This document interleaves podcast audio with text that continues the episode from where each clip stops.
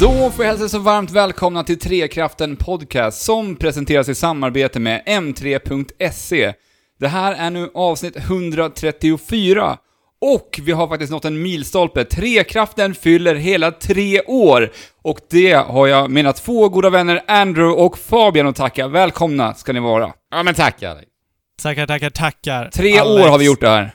Ja, Tre år, varje vecka, framför micken. Mm. Det är ju sinnessjukt. Ja. Mäktigt. Ja, Varje vecka i tre år. Det är ju Ja. verkligen galet. Bor- Bortsett från de här sommarmånaderna. Ja, Ja. när vi har det på. så vilket avsnitt var det här? 134? Jajebox.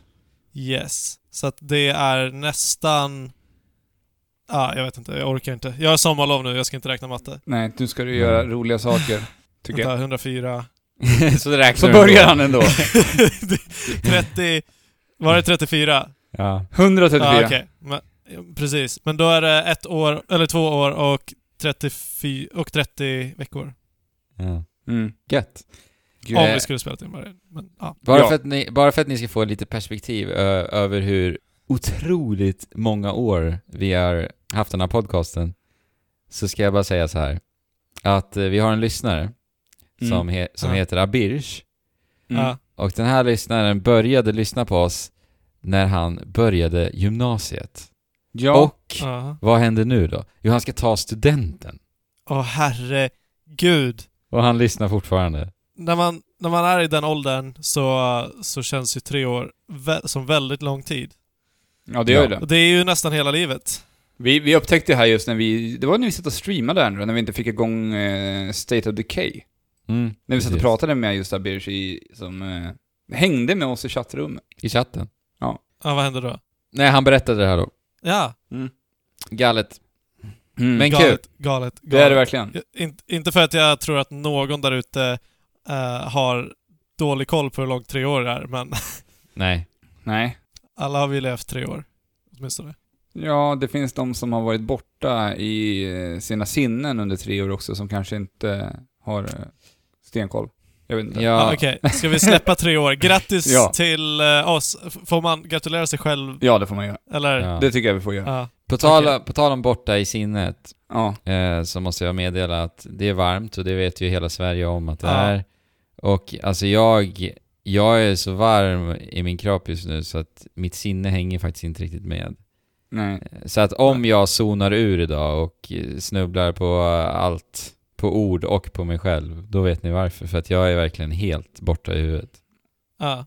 Och det här har du varit under, under den senaste perioden också. Jag vet att det är senast, eh, för ett par dagar sedan jag träffade dig, då sa du ju, du beskrev dig själv som att du var väldigt bortom flötet. Mm, men precis. Bortom flötet. Mm. Men då var det en arbetsdag också. Jag har jobbat idag också i och för sig, men... Ja, nej men jag är jäkligt seg i huvudet, men det ska jag försöka sudda bort. Den här värmen är ju, börjar bli lite olidlig nästan. Mm. ja. Men hur är det med dig då Fabian? Hur, du var ju inte med förra veckan, vad har hänt i ditt liv? Nej. Eh, I mitt liv så har mitt, mitt första år på universitetet lidit till sitt slut. Och nu har jag ingen skola på tre månader. Hur känns det då? Det känns otroligt jäkla bra. Eh, jag fick nästan en hjärtattack när jag slutade för att jag var så glad Oj. över att allting var slut. Det är väldigt kämpigt med tentor Ja. eh, och allt.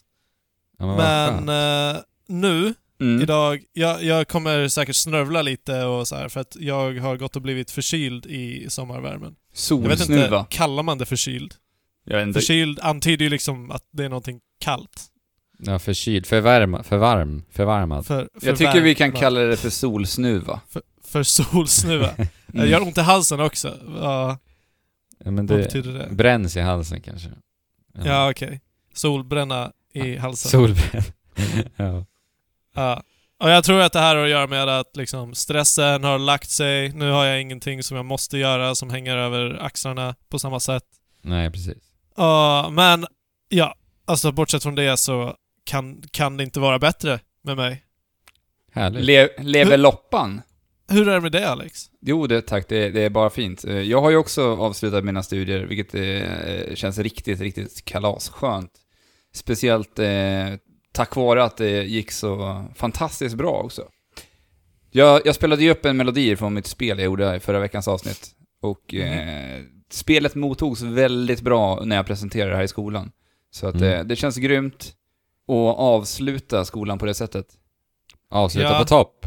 Ja, exakt. Precis. Och, så, men, men, men jag vill bara blicka tillbaka mot det som du pratade om Fabian, det här med att man, du känner att du, du blir så utmattad när det, liksom, när det lägger sig i skolan, nu när det är över, när du inte har det att tänka på.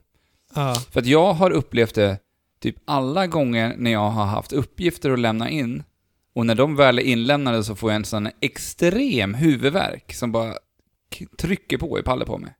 Aha. Varje gång. Ja, men det det är ju liksom- säkert... När det släpper bara.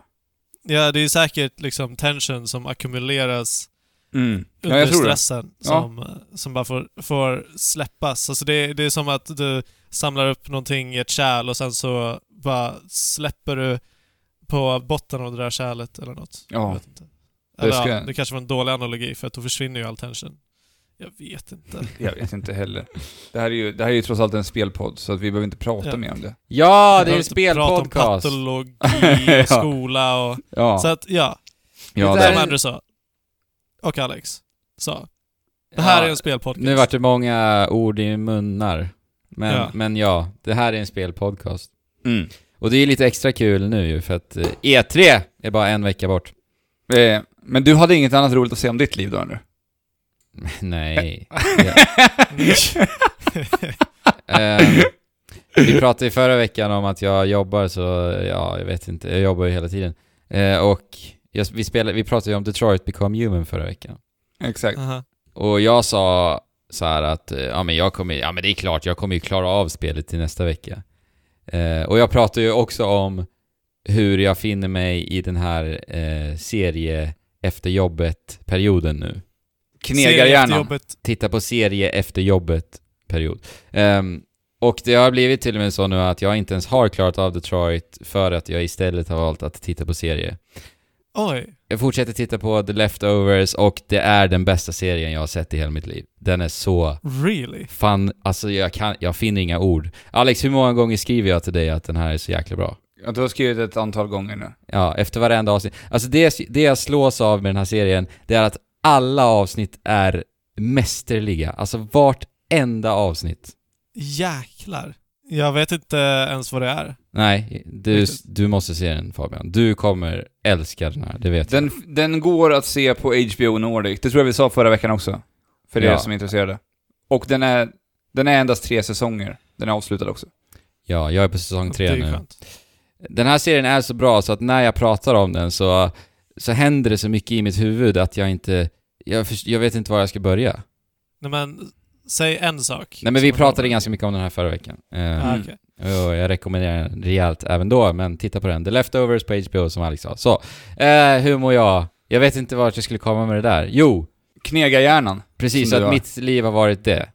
Mm. Jobb och The Leftovers, och inte Detroit Become Human. Så jag har inte klarat av det än. Nej. Det är ändå en ganska stor eh, förändring för dig som eh, inte har knegat jättemycket och har haft ganska mycket tid över att komma till den här knegarhjärnan. Ja men precis. Hur, hur känns det liksom rent generellt i resten av livet? Nej men det känns bra. Det är kul i alla fall. Det är roligt, och det är huvudsaken. Ja, du har hittat bra jobb. Precis. Passande jobb. Det är ju fint. Och sen alltså, jag upplever ju att jag får ju mer energi om dagarna nu än vad jag hade innan. Ja, det blir ju lätt att man blir väldigt lat och Ja, seg Exakt. om du inte har någonting att göra. Alltså tidigare kunde jag liksom klockan 12 på dagen känna att jag var mosig i hjärnan. Ja. det finns ju inte idag liksom. Nej. Nej.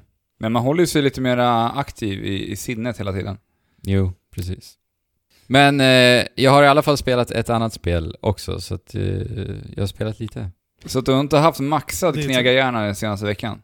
Nej, Utan inte har Men, men däremot så spelade jag det här också även veckan innan. Ju. Ja, just det, det gjorde det. Ja, för, fast vi pratade ju inte om det förra veckan. Nej. Och det är ju alltså Yokus Island Express. Mm. Oh, lord. Det här är ju svenska Villa Gorillas, eh, jag vet inte om det är debutspel nu. Men jag har inte hört talas om Villa Gorilla innan det här. Nej, jag tror att det här är debutspelet och att de här två är avhoppare från andra stora svenska spelstudios. Jag har inte riktigt koll på vilka det är nu, men jag vet att jag läste om studion förut och att det här är två stycken som jobbade på större bolag innan. Det borde vara det. Ja, Alltså för att det är ett väldigt eh, kompetent sammansatt spel får man väl säga. mm. Ehm, men det är ju det här Pinball Open World-äventyret som de själva kallar det. I 2D. I 2D. Pinballvania. Lite. Yes. Eh, Så de har fusionerat pinball med ett Metroidvania. Så genialiskt. Ja, verkligen. Vi har väl pratat ganska mycket om hur pass mycket vi tycker om det här konceptet tidigare i podcasten. Ja, Mm. Vi, vi spelade ju det här på Gamescom, du och jag Fabian också ju. yes. Så att Ja, det jag- behöver vi inte prata mer om, om hur mycket vi tycker att det är genidrag. Men eh, vi spelar ju då som en liten dyngbagge eh, som puttar omkring på sin lilla boll. Och det är, Är det han som heter Yoku? Ja, precis. Och det är då den här bollen som ska representera den här metallbollen ifrån en vanlig flipperspel såklart.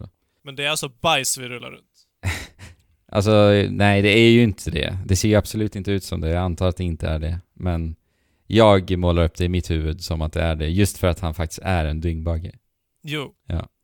Och det är ju det självklara, men han kanske hittade ett substitut för bajs just för Ja, att precis. spela pinball med. Ja. Och han kanske har arbetat rejält med den här bollen för att få den att eh, lyckas flippra omkring överallt. Va? För bajs känns ju kanske inte helt optimalt när du liksom ska flippra omkring på väggar och kanter och hörn va? Nej, det splattar ju och klibbar och fastnar väldigt mycket. Det beroende på vad det är för bajs naturligtvis, men Ja, i och för sig så är väl dyngbaggars bajs inte den typen, va? Inte så här kletbajs riktigt. de- jag vet, vet du vad som slog mig nu? Jag vet inte riktigt vad dyngbaggar gör med bajset som de rullar. Inte jag heller. Nej, inte jag heller. Kan inte någon av er kolla upp det samtidigt här, som jag pratar? För det kan vara Jo. intressant. Men, Yoku finner sig eh, tidigt i spelet då på eh, den här ön, Mokuma Island. Och Aha. han tar då snabbt över som postman på den här ön. Och ska då ta över jobbet för att leverera brev Aha, runt om i landet. va. Just det. Eh, och vi får reda på tidigt då att det har varit någon läskig varelse som har paralyserat öns stora hövding. Och sen så snabbt så finner sig Yoku hjälpa till att ställa till rätta på ön. Samtidigt då Ja. som han också levererar de här breven. Så han, bli- Ah. han blir snabbt en mångsysslare. Det ska puttas på bajs, det ska levereras brev och rädda ön från den här varelsen. Jag, lä- jag läser lite om dyngbaggar här. Aha. Och eh, deras, eh, deras främsta uppgift är att... Eh, de, de, de lever i växtätandes avföring, som kossor och andra djurs avföring. Mm. Och de, eh, de har en stor betydelse för nedbrytningen av eh, organiska ämnen. Och då främst Ah, ja. i djurutbildningar då. Så att eh, det är väl deras huvudsakliga uppgift då. Så att det här måste ju vara då avföring som eh, vi flipprar runt med Men i jag vill- Jokos- Ja, men frågan är ju vad, alltså äter de, äter de dyngan som de rullar? Eller, eller Transporterar varför de det? Ja. Var transporterar de det? Jag vill kanske det. till några högar. Det står inget mer på den här wiki-sidan i alla fall. Eh, det hade ju varit nice att veta var de rullar avföringen. För att Ja, varför den måste ju ha någon slutdestination. Eller hur? Ja, exakt. De kanske bara är genuint supersnälla och bara vill transportera bort bajset för kossorna och djuren. Ja, alltså och, och liksom sprida ut dyngan och näringen som den innehåller till resten av jorden. Det är Ja. kanske det här jag ska skaffa till min trädgård. Mängder av dyngbaggar och bara kasta ut och sen slänga ut massa bajs Ja. på tomten. Ja, och sen så när du tittar ut så är det bara, så är det bara rullar, bollar av, av dynga som rullar Och fram och dyngbaggar. tillbaka. Så och fort, sen jag, så fort jag bjuder folk över, akta mina dyngbaggar. Ah, De jobbar. ja, jag känner att vi, vi deviatar lite från, ja. från spelet. Okej, Ja. Yes. Andrew, Ja. jag har gett, berätta. Nej men jag berättade i premissen där och alltså Spelet är jättecharmigt. Det är verkligen vad jag förväntade mig på den fronten. Hela inramningen Mm. är jättemysig. Eh, och man stöter på massa olika typer av eh, väldigt fantasifulla varelser. Åh. Så- som man stöter på under spelets gång. Och den grafiska stilen, den påminner lite om Rayman Leg- Legends. Aha. Men den ser än lite mer oljemålad ut i rörelse så att säga. Eh, så att det är riktigt, riktigt snyggt. Och det är inte lika pastelligt där. Nej, eh, precis. Exakt. Nej. Inte lika garish, inte lika eh, liksom bländande färger. Precis Så. Eh, men alltså, pinball. Ja. Jag har ju aldrig riktigt fastnat för pinballspel. Eh, Inte? nej, jag har faktiskt inte det. Alltså, jag har tyckt lite när jag reflekterat över det nu att lite för mycket lämnas åt slumpen och sen så handlar det Ja. ju egentligen endast om att bara erhålla massa poäng. Alltså det är high score-baserat spel. Men då syftar Ja. du på digitala flipp- flipperspel? Ja, eh, huvudsakligen. För att det som är fint med eh, analoga, det är ju, eller vad säger man? Analoga, Ja. säger man så? Ja. Ja men det är Ja. det. Eh, det är ju att det- ligger ju någonting väldigt tillfredsställande i just det här att se bollen liksom rulla perfekt in där, ut där, för att se den studsa där. Alltså, det, sen är det ju så mycket spektakel som händer på de här analoga. Mm. Alltså det kan jag väl tycka om så, men jag finner ju mig inte liksom spela gång på gång på gång igen för att jag tycker inte att alltså, spelet i sig är särskilt kul. Just på grund av, ja, lite, Nej. lite för slumpmässigt och Jo. ja, finns ingen poäng så riktigt. Mer än att bara se de här spektaklerna en gång. Så. Ja, eller alltså grundkonceptet eh, baseras väl i att du ska, måste hålla högt fokus och Mm. eh, tajma när du ska slå bollen. För att Mm. där, lig- där, det är ju där skillen ligger. Ja, Mm. När, precisionen liksom. Ja, Ja. alltså det, det finns ju mycket skill i flipper också ändå. Jo, jo, men ja, det tvivlar jag ju inte på. Såklart. Men, eh, ja. hur översätts Ja, precis. Yoko's Island Express tar ju den här spektakeldelen och omfamnar den väldigt mycket. För att vi ser ju liksom Yokus flyga över liksom halva världskartan emellanåt och Mm. studsar och spränger upp väggar för att rulla vidare och allt. Och det är som sagt väldigt tillfredsställande. Eh, men sen är det ju mycket så här precisionsskott du ska göra också. Och det absolut största problemet i det här spelet för mig är att för att komma vidare så kommer du behöva utföra... testa dig fram? Ja, och sen till slut då utföra de här precisionsskotten. Eh, och i och med att det är ett Metroidvania så, så kommer du ju vilja utforska väldigt mycket. Mhm. Och det kan bli lite väl tradigt. Särskilt Ja. när du ska leta efter spelets hemligheter. Att återigen vara på den där, som du vet, det existerar ett ganska bökigt precisionsskott. Måste du göra den igen för att ta dig vidare till den platsen Ja. du har varit på innan och så. För att det är väl lite så att eh, liksom, det finns olika sektioner i världen som är som, som är uppbyggd som en, en flipperbana liksom. Ja, precis. Och sen så, sen så finns det vissa utgångar där som du kan eh, liksom sikta in dig på och åka igenom för att komma till andra Ja, flipperbanor, precis. Men- nästan. Men, är- men är det inte så här också att du kan eh, styra Yoku också fritt? Jo, jo. Lite 2D-spel. Ja. Men, men kan du inte på något sätt, när du är i en eh, sån flipper-del av banan, Mm. justera Yoku på något sätt? Eller är det, är det ren flipper som gäller då? Det är ren flipper i stort, är det. Ime- Mm. Ibland, men väldigt få tillfällen, så kommer du behöva eh, röra på Yoku lite. Men det är absolut inte mycket så. Okej. Så att det är väl egentligen det största problemet faktiskt. Ehm, för alltså, spelet i stort har ju verkligen de delarna som, eh, vad jag tycker gör ett Metroidvania-spel bra. Mm. Eh, och det är ju det här att du liksom till slut hittar nästa väg att gå, nästa del av världskartan att utforska. Mm. Och sen att du ofta stöter på någonting så här utstickande i, i omgivningen. Som i det här fallet också kan vara någon jättemärklig varelse som du ser lite förnulig ut. Det kan vara någon annorlunda staty som ser sp- suspekt ut och sådär. Mm. Och, och det här memorerar du ju sen i din mentala karta väldigt enkelt. Just för att det är så otroligt utstickande i det här spelet. Aha. Ja, det är superhärligt. Sen återvänder du då med din förmåga sådär va. Men sen också just att det är pinball Metroidvania, det gör ju också att det här känns så fräscht också. Mm. För att jag menar, Metroidvania-spel har vi ju spelat väldigt mycket på senaste. Och sen är det klart att vissa gör det bättre än andra, men just Metroidvania-aspekten tycker jag de gör väldigt bra på många sätt. Men vad är det för typer av förmågor som du hittar och erhåller? Jag vill inte eh, spoila det riktigt känner jag. Inte någon. Inte ens ett exempel. Alltså den, den du har från början är en, eh, en sån här partytuta. Ja, just det. Och eh, ja, den öppnar upp hemliga väggar med, typ. Okej, Eller- men du har förmågor som hjälper dig att manövrera Ja, pinballmomenten också och, och så. yes.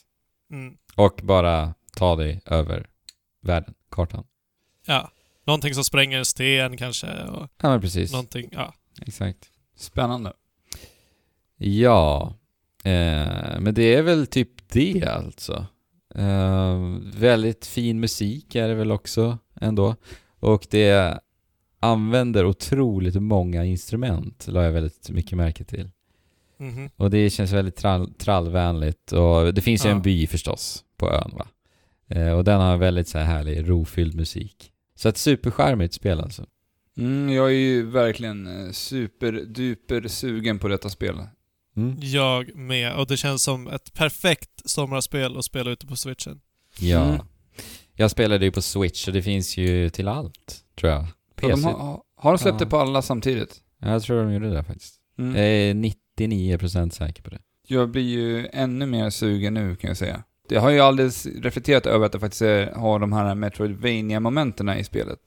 Nej. Och det, det gör mig ännu mer, ännu mer sugen på det här faktiskt. Jag såg det lite mer som ett äh, plattformsflipperspel från början. Och bara den grejen Jo, jo. blev jag helt såld på. Men sen så lägger du till ännu en dimension. Ja, alltså det, det låter verkligen Ja. som en kopp te. Spelet förklarar aldrig varför det existerar massa flipprar runt om i världen. Nej, Men det får man... det är väl bara att ta för givet. Ja, eller ja precis. Jag bryr mig inte. Nej. Men jag tänkte så här. Det hade varit ändå en liten detalj att de kunde förklara det på något eh, lite roligt sätt. Ja, ha någon dum förklaring Ja, det. Liksom precis. Vad skulle det kunna vara? Har du tänkt vad det skulle kunna vara? Nej, Jag har faktiskt inte gjort det. Är det många dyngbaggar på den där ön? Nej, det är bara Yoku. Det är bara Yoku. ja. är, det många, är det många svärformade varelser på Nej, ön? Nej. nästan inga alls. Eh, Och det är ju bara Yoku i stort sett som eh, kommer in i alla de här trånga utrymmena. För att de flesta varelserna är ganska stora. Ganska bra mycket större än vad Yoku är.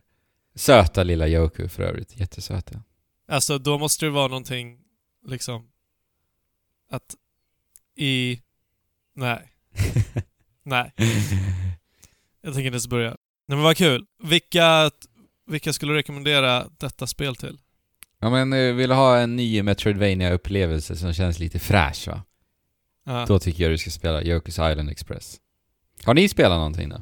Ja, jag har ju spelat en hel del eh, Sushi Striker. Som jag kan nämna lite kort Mm. nu. Mina, mina tidiga intryck av det här spelet. Sushi här- Striker, The, The Way, Way of of... the Sushi. Ja, Way of the. Sushido. Ja. Som är ett eh, sånt action-pusselspel där man strider Mm. emot en eh, motståndare, helt enkelt. Ja. Eh, det här eh, är ett... Jag hade förväntat mig att det här skulle vara mer fokus på just actionstriderna, alltså bara, bara matcher egentligen. Okej. Men det är väldigt mycket fokus på just eh, storyn i det här spelet. Mm. Där du, där du kastas in i den här världen där sushi har förbjudits. Nej. Folk får inte äta sushi längre. Oj. Och det, det skapar ju problem och uppror bland eh, folket som lever Ja, i den här världen. Ja men jag spelade ju demot. Mm. Eh, och jag spelade det, det första kapitlet där. Mm. Och allting presenteras ju i en väldigt så här manga-esk ton ändå. Ja, Haha. det är väldigt mycket så. Ja, och eh, man får ju reda på tidigt då att det har till och med varit ett eh, världskrig Mm. på grund utav sushi i världen. Ja. Ah, Ja. och det är därför det förbjuds. ja, men Ja. det har ju blivit som en klassgrej, lite grann. Alltså sushin Ah, okej. ska ätas bara utav eh, den här eh, kungligheterna. Ah, okej. Precis. Och de, de får äta sushi, men alla andra som lever utanför det här kungariket känner Mm. inte ens till sushi, många ens. De har inte ens, de har ingen koll på vad sushi är. Och eh, protagonisten man spelar, Musashi. Musashi. Eller men man kan ju välja kvinna Ja, eller... precis. Ja. Man, kan, man får välja. Ja. Eh, hens föräldrar gick ju då bort i det här sushi-kriget. Får man reda Ja. på tidigt också. Mm. Så att eh, det är ganska mycket fokus på just den här eh, knasiga historien om eh, sushin som Den, har då förbjudits. den men- låter ju mörk samtidigt. Ja, Ja. alltså det, det, fast eh, ja, om man läser mellan raderna så kan det ju vara ganska mörk. Men de Men verkar det- ju vara hungriga i världen också. För när jag spelade demot, då ville inte protagonisten äta sushin på grund av vad han associerar sushi med, så att säga. Ja, men Ja, det, just de har ju skapat någon, liksom, en bild av sushin, att sushin är någonting fruktansvärt och hemskt. Ja, men det är ju det på grund av kriget liksom. Ja, Men det- hallå, är det inte en fruktansvärd åtgång på sushi i det här spelet? Du bara kastar sushi hit och dit. jo det är det det här är spelet går mängder ut på. sushi, det är oändligt med sushi. Vad... För att vi har ju någonting som då heter Sushi Strikers Mm. i, det här, i den här spelvärlden. Precis som spelet heter. Och det är alltså folk som äter väldigt mycket sushi. Man har såna här, ni vet de här banden som man ser på, från sushi-restauranger där sushin bara rullar in Ja. på tallrikar. Ja. Yes. Vi har tre såna här band, plus en som är då delad med motståndaren. Så att vi, vi tittar emot våra motståndare. Så Ja, totalt är det sju oss. stycken, sju stycken såna här band som åker, där vi har tre var och sen har vi en som vi delar i mitten. Mm. All, alla de här tallrikarna som kommer in har olika färger på sig. Och då handlar Olika det om typer av att... sushi. Vad sa du? Olika typer av sushi. Nej, utan eh, det Nej. finns olika typer av sushi på tallrikarna också. Men eh, de har Okej. olika färger, så det är det man ska titta på. För att eh, de här färgerna ska du som... Du ska dra i olika riktningar för att samla på sushi som är på samma färger på tallrikarna. Så att du Okej. stackar de här och kan slänga det i så mycket sushi som möjligt. Och sen använder du då de tallrikarna som blir kvar till att kasta på din motståndare. Jaha, det var just det, det är så det är. Alltså, så att jag- egentligen har inte sushi någon som helst eh, funktion, utan Nej, men de det är är- tallrikarna. det är bara tallrikarna man vill åt egentligen. Alltså jag märker ju hur, jag märker hur onödigt krångligt det låter när du förklarar Ja. spelet. Jag tror inte någon fattar riktigt. Nej, ja, men det, det Alltså- alltså, Man ska äta sushi och sen så ska du kasta tallrikarna på din motståndare. ja. Alltså jag har ju märkt att pusselspel är alltid väldigt klurigt att beskriva också. Ja. Ja. Men det är ju ett rutnät. Alltså, Ja, de, här, de här banden är ju ett rutnät och sen är det precis som i Candy Crush, eh, typ att det finns olika färger och olika former som man ska kombinera. Bara det att jag antar att de rör sig ja, åt olika håll liksom. hela tiden. Horisontellt rör de sig. Ja, precis. Ja. Eh, och sen använder du antingen touchskärmen då, på switchen, eller spaken. Mm. Och sen så bara liksom drar du då med pekfingret, om Mm. du använder touch, genom alla de här rullbanden. Säg att blå, Ja. blåa tallrikar vill jag ha. Ja, då börjar du på en blå och sen så drar du fingret till alla blåa tallrikar som du ser då, som rör sig. Ja, exakt. Och sen så käkar man upp all sushi och sen kastar tallrikarna och gör skada på motståndaren tills motståndaren dör. Man dödar. Och, och då kan du också... Och då dör de? Nej, jag Nej. vet inte. Nej. Men eh, du, du kan ju också s- levla upp din sushi. Så Okej. att du kan, ska, du kan få fram bättre sushi. Men eh, vi har glömt en ganska viktig detalj, inser jag nu. Och det är ju faktiskt så här att vi har små filurer, små varelser, som trollar fram t- sushin. Precis. Ah, de- Okej, så det behövs inga kockar? Nej, precis, det behövs bara en så kallad sushi sprite och det är en varelse som, Mm. det kan vara, de finns i massvis av olika former. Man träffar tidigt i, i spelet på en som heter Jinrel, som är typ en hundliknande filur. Hundråtta, Aha. typ. Ja jag men tänk, inte vad. tänk er Pokémons. Ja, alltså det är lite, den, lite det tänket. Och Mm. de här uh, sushi spritesen kan, eh, kan, har också en egen skill. Så den, det kan vara att alla sushi på bordet blir samma färg. Alla det tallrikar. innebär, ja, alla Okej, tallrikar som blir. en superkraft liksom. Ja, Ja, så då som- kan du stacka alla kan tallrikar på, om du är snabb nog, så kan du få upp alla. Ja. Och det innebär ju att du får en redig stack med tallrikar som du kan kasta på motståndaren då. Aha. Och alla de här olika sushi spritesen har också olika sushi som du kan levla upp i och med när, att du levlar upp din sushi sprite. För att du kan Okej. ha tre stycken av de här sushi spritesen equippade samtidigt och de kommer levlas. Plus att du kan ha två stycken reserver som står och tittar på men fortfarande samlar XP. även fast de inte är aktiva i striden. Ah, Okej, så det finns massor av sushi sprites? Ja, det finns jättemånga sådana här sushi sprites som du kan... Det- eh, Det låter ju hur kul som helst till, Mm. alltså, till råge på, på det här pusselspelet som också verkar Ja, riktigt kul. alltså det, det är det här som eh, blir ganska intressant, för det gör ju också att det blir ett, eh, ett riktigt djup i det. Alltså du kan forma dina egna strider hur du själv vill att hur du själv vill få, vad, vad du vill få ut av dem. Mm. Så att det finns de som kan bli, man kan ju spela väldigt defensivt, eller så kan du välja gå på attack beroende på vilka typer av sushi sprites du väljer att ha equippade. Men är det typ så att det laddas upp en uh, superattack-bar av Ja, slag som alla har ju en? Alla har ju en sån cooldown-effekt, eller så att det laddas upp en mätare, sen lyser de Okej, här till över när du kan aktivera den här skillen. Sen så, sen så kan du också ha... Jag, jag har ju en sån uppsättning nu att jag har en som boostar min uppladdning till skill.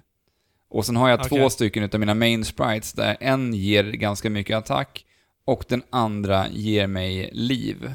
Och sen har jag den Ah. tredje då som hjälper mig att boosta, boosta den här mätaren. Och den kommer tycker jag funkar väldigt bra. Så när jag förbrukat de här två andra, attack och hälsan, så kan jag bara aktivera den- tredje. Så får jag upp mätarna jättesnabbt. Och det har blivit en riktigt eh, välfungerande kombo. Men jag tänker, när du blir attackerad, finns det något sätt att liksom avvärja eller kontra attacker? Ehm, nej, inte riktigt. Utan eh, det är väl i så fall i och med de här sushi spritesen då. Du kan ju som sagt ha ännu mera defensiva sushi sprites. Att du kan Ja. sätta på dig en sköld till exempel. Där du inte tar lika mycket skada. Och sådana grejer. Men Alex, Ja. grunden, Ja.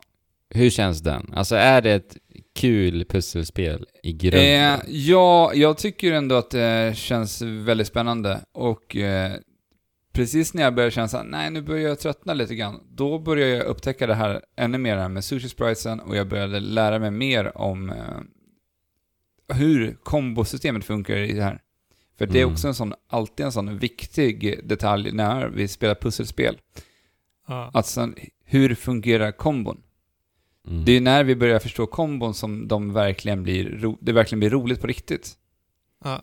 För att jag, jag spelade ju demon som sagt, Mm. och jag upplevde på den, jag spelade ju inte jättelångt, kanske en halvtimme, Mm. eh, att eh, det kändes lite slumpmässigt. Alltså hur kan jag påverka liksom... Ja, du tänker på eh, färgerna på tallrikarna som kommer in och ja, så. det känns som att, eller? Det finns ett system så att när du har stackat sju stycken tallrikar på varandra utav samma färg, Mhm. då kommer det komma in en eh, tallrik som blinkar i alla färger. Och den kan du såklart använda. Ja, just det. Ja, men det Och sen- fick jag lära sen- mig också. Sen kommer det också börja komma in mer färger i den färgkombinationen också, ju mer du stackar. Så att Men- du ökar chanserna om du lyckas stacka många. Mm. Men handlar det om att alltså observera tallrikarna och sen Ja. titta i periferin och se vilken färg ser jag mest utav här? Är det ja, det, det, som... det, det, det är det det handlar om. Ja, okej. Och hitta de bästa fältena och faktiskt hur du rör dig runt. För att du kan se ett mönster, Ja, men det är viktigt så att veta hur du ska flytta dig runt på bordet för att kunna maxa antalet tallrikar som du vill åt. Mm. Så att det, och, det i kombination med att de här, de här banden ständ, som tallrikarna ligger på ständigt rör sig, så blir det väldigt stressande vissa gånger. Mm. Speciellt när man ser motståndaren hela tiden stacka upp mängder av tallrikar och ladda upp för en sån Mm. redig attack emot mig, så blir det ju riktigt hets. Rör sig banden likadant hela tiden? Ja, alltså där, där finns ju också en detalj. För att vi har ju också kugghjul som vi kan koppla till de här. Och de kan ju också avgöra hur de här banden agerar som, som tallrikarna ligger på. Okej, ja, som en förmåga eller föremål Ja. Alltså ja. det, den, precis. Så att den, den kan du alltid välja. Du låser alltid upp nya sådana här kugghjul som du kan välja att applicera på, Ja, ja. på ditt bord. Så man går ju upp i level och grejer också, eller hur? Mm. Både Mm. du som spelare har en level. Sen har du också en sushi striker level.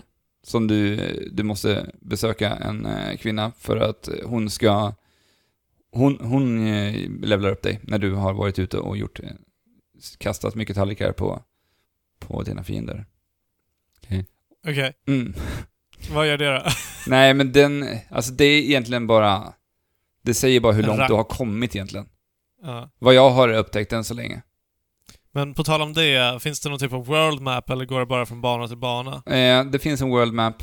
I början så, eh, så är det bara, då går vi bara från bana till bana. Men eh, successivt så läser, löser vi upp, låser vi upp fler och flera banor och även värden och platser där vi kan spela olika utmaningar där vi kan börja spela versus, för det fanns inte från början till exempel. Okej. Eh, Men hur, hur utforskar du då och hittar de här nya spritesen? Är det på, någon, på något sätt liknande Pokémon eller? Nej, inte än så länge. Alltså nu har det bara varit så att vissa banor så blir jag erbjuden den här lilla tallriken eller sushi-spriten som, eh, som jag, alltså för att bonda med dina sushi-sprites så är det så här, då kommer de fram till dig och bara Hej, ät min sushi så bondar vi. Okej. Och då får man välja att äta sushin eller inte då. Men det är klart man äter den för man vill ju ha många vänner. Ja, men du kan liksom ha, ha dem inaktiva hur många som helst typ. Nej, I- två stycken reserver och sen så kan jag ha resten då, resten kan jag bara ha på mig då. Ja, okej, så att du kan maximalt bara ha fem stycken. Ja, Och- som levlar då. gång. Som levlar, ja men du kan ha inaktiva Ja, det kan jag. eh, hur många som helst. Det tror jag. Varför skulle man då säga nej till en sushi? Sprite? Ja, men det är om man tycker att den ser hemsk ut kanske. Eller om Ja. man blir Jo. upprörd av, av den. Det kanske säger något taskigt Ja, eller kanske någonting. jätteäcklig sushi. Ja. Det kanske är den Eh, värsta sushi-biten som jag är du någonsin har sett. Jag är ledsen, men vi måste röra oss vidare. Vi kan... Jag måste bara fråga, Mm. om det nu finns de här sushi-spritesarna i mängder, hur Mm. kommer det sig att det är brist på sushi? Det är ju sushi-spritesen som trollar fram sushin. Det, Ja. det är ju det som är grejen. Och det, det finns ju ingen sushi någonstans i hela världen. Nej. Nej. Varför går inte bara ut och hit, alla ut och hittar en sushi-sprite För att till du, sin stad? för att du måste ju troligtvis vara en sushi-striker. Ja, Ja. men då om det är så jävla big deal så har du bara sushi-mästare överallt. Precis som alla, alla kommuner har ett fotbollslag. Jo men Alex, hur funkar något. det där då? För att jag, vad jag upplevde så eh, jobbar ju de här i, i hemlighet så att säga, Sushi Strikers. Ja, The Sushi Liberation Force. Ja. Okej. Det är ju så här rebellerna som strider emot det här kungariket. Ja. Och de, de har ju Ja, de här jag förstår. sushi-spritesen då. Mm. Ah, okej. Så att det är lite, det är lite hysch-hysch där, gällande de här sushi-spritesen. Men så att tanken, tanken är att man ska eh, göra sushi fritt för alla? I slutändan. slutändan. Ja, det är, det är ju Ja. det Sushi Liberation Force vill. Ja, Alla ska äta sushi, alla ska ha tillgång till sushi, för sushi är det Ja. bästa som finns. Yes. Mm. Ja, men det är en Bra, honorable thing. bra, Så, bra sätt att avsluta det där på då. Yes. Det släpps nu på fredag i alla fall, spelet till Switch. Och 3DS. Just det. Vi rör oss mot lite nyheter då. För du har inte spelat någonting, eller hur Fabian? nej. Nej. Bethesda teasade massor här i veckan. Eh, satte upp en eh, Twitch-stream där man såg en sån här Fallout, eh, vad heter de? Pip, eh, Pip-Boy. nej inte Pip-Boy, Eller de Boy. heter ju Fall, Fallout Boys heter de. Eller vad heter de? Bubblehead? Jag vet Ja. inte. Nej, ja. Jag tror att de heter Fallout Boy. Det kommer heter, inte ju, ihåg. det heter ju bandet. Ja, Ja. men bandet har ju tagit namnet ifrån spelet också. Är det så? Ja. Eh, Kanske har. vad fan Ja, men- heter de? Voltboy heter de! Voltboy. Ja. Ja. Är det Voltboy? Ja, det är det. Okej. Ja. Ja. Jag, Yes. jag har inte spelat något Fallout-spel så att jag har ingen aning. Mm. Eh, men det var en Twitch-stream där vi fick se en eh, Voltboy eh, och en skärm bakom denna Voltboy där det stod 'Please stand by' och, Yes. och vi såg ju då såklart att det rörde sig om Fallout och sen 24 timmar senare så visade de, eller spelade upp en teaser-trailer för kommande Fallout 76 som de också nu ska ordentligt avtäcka på E3 som Yes. kommer. Jag tyckte att det här sättet att utannonsera någonting var väldigt intressant. Alltså den här streamen, när jag var inne och kollade, hade alltså 140 000 tittare. Ja, du var inne då alltså? Ja, Det var... När det var Please Stand By, eller när de visade ja precis. Och jag, jag kollade under hela kvällen, men alltså det låg runt 140 000, ibland upp mot 150 000 tittare. Mm. Ja, jäklar. Det är helt otroligt alltså. Ja men jättekul sätt faktiskt att Alltså, men det känns, så, det känns så himla smart att göra det på det här sättet. Bara lägga ut en så här... Alltså vi har ju sett många företag göra på det här sättet. Fast typ på Twitter istället. Där man skickar ut en så här subtil text som säger någonting. Ja, det känns väldigt i tiden, om man säger så. Ja, det gör det verkligen. Och eh, jag tyckte det var bara kul att se hur, hur taggade folk blir. Och Mm. bara, de, hur, hur fansen bara hypar upp det här. Men kan ni förstå hur många, hur många Fallout-fans sömn som gick i kras de där 24 timmarna? Ja, det lär det ha varit. De måste ha Okej, det, stirrat blint i 24 timmar. Det var ju aldrig någon nedräkning, utan Nej, det kom nej. bara... Bara please. Det kom bara... Men det roliga var ju 24 också att eh, det hände ju saker ibland, att folk kom och typ ställde en kaffekopp och Ja. de, gick i Och- bakgrunden lite grann och... Ja, och, och de eh, hade till och med samtal med varandra. Alltså det var ju förmodligen på studion hos Bethesda Ja. liksom. Där de bara satte upp en webcam på, Ja. på den skärmen. Nice! Skitkul. Ja, men eh, Fallout 76 i alla fall. Mm. Ehm, och alltså initialt när jag såg den här trailern och namnet framförallt, det var ju du som skrev det här på våran eh, Facebook-chatt, eh, vad heter det? Chatt, Messenger-chatt, Alex. Mm. Eh, då tänkte jag så här: okej, men det där är ju såklart då en spin-off. Och då tänkte jag ju såklart att det skulle vara en spin-off i form av hur vi såg eh, Fallout New Vegas Mm. eh, efter, Ja. efter trean. Men eh, Jason Schreier ifrån Kotaku eh, har rapporterat om att det här spelet är ett online-spel med en väldigt stor fokus på eh, survival-aspekt. Eh, Mm. Lite som Rust, Mm. eh, ni vet det här. Det är väl Ja, Daisy, free to play nu Ja. fortfarande. Mm. allt möjligt. Och eh, det låter väl som att det kan bli intressant, tänker jag. Ja. Ja, alltså det, Fallout har ju ändå alltid varit i, i den settingen och Ja. Handlat mycket om att överleva i alla fall till, till en början. Ja. Ja, och sen, sen så introducerar man ju byggaspekten väldigt mycket i Fallout 4 också. Mm. Ja, som jag precis. tyckte var väldigt rolig att hålla på och mixtra med.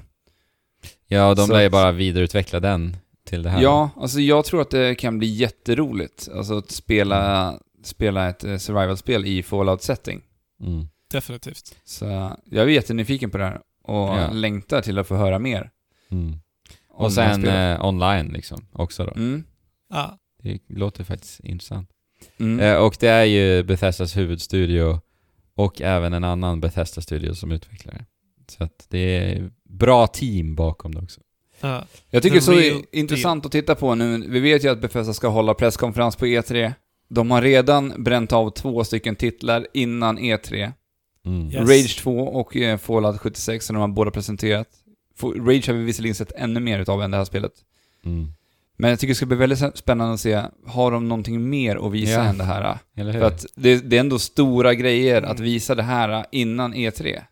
vad, ty- Mm. vad tycker ni om det här? Alltså att egentligen utannonsera Att saker... spoila Ja. våran E3. Ja. Vad tycker ni om det? Alltså, det, Nej, alltså... jag kan inte säga någonting redan alltså, nu innan. Det blir väl Nej. någonting att utvärdera sen beroende på vad Befesta gör på E3. Jo. Lite grann. Men eh, det är ju lite tråkigt, man vill ju fortfarande ha den här julaftonsfesten under E3-dagarna där. Ja men eh, som Fabian sa, det är just spoila. Alltså jag känner att, jag känner ju att jag blir lite spoilad. Ja. Faktiskt. Alltså det... Men det handlar ju om att nå ut utanför E3-bruset såklart. ja, men, Och att gö- göra någonting. jo visst, men Fallout liksom. Men jag tänker just i Fallout 76 Ja. fall så kan det ju vara ganska så bra att göra på det här sättet. För att nu har ju folk blivit så välbekanta med survival-genren. Ja, i alla fall vi. Ja, Eh, Det Alltså, fula, det, en sak är väldigt ful dock. Det är att de har lagt upp att man kan förboka spelet redan. Det här Ja. betyder Ja. att folk som inte har koll på vad det här är för spel. Ja, Ja. Fallout. Ja, men det älskar jag. Jag älskar ju Fallout. Mm. Och inte liksom är som oss, läser varenda jädra rapportering om alla spel liksom. Och sen så visar det sig att det inte är alls vad de hade tänkt. Det tycker jag är lite fult faktiskt. Mm. Ja, faktiskt. Det kan ju vara bra just för oss som följ, kommer följa Bethesda på E3. Att Jo. vi på förhand vet att det här kommer vara nu ett multiplayer-spel med survival-fokus.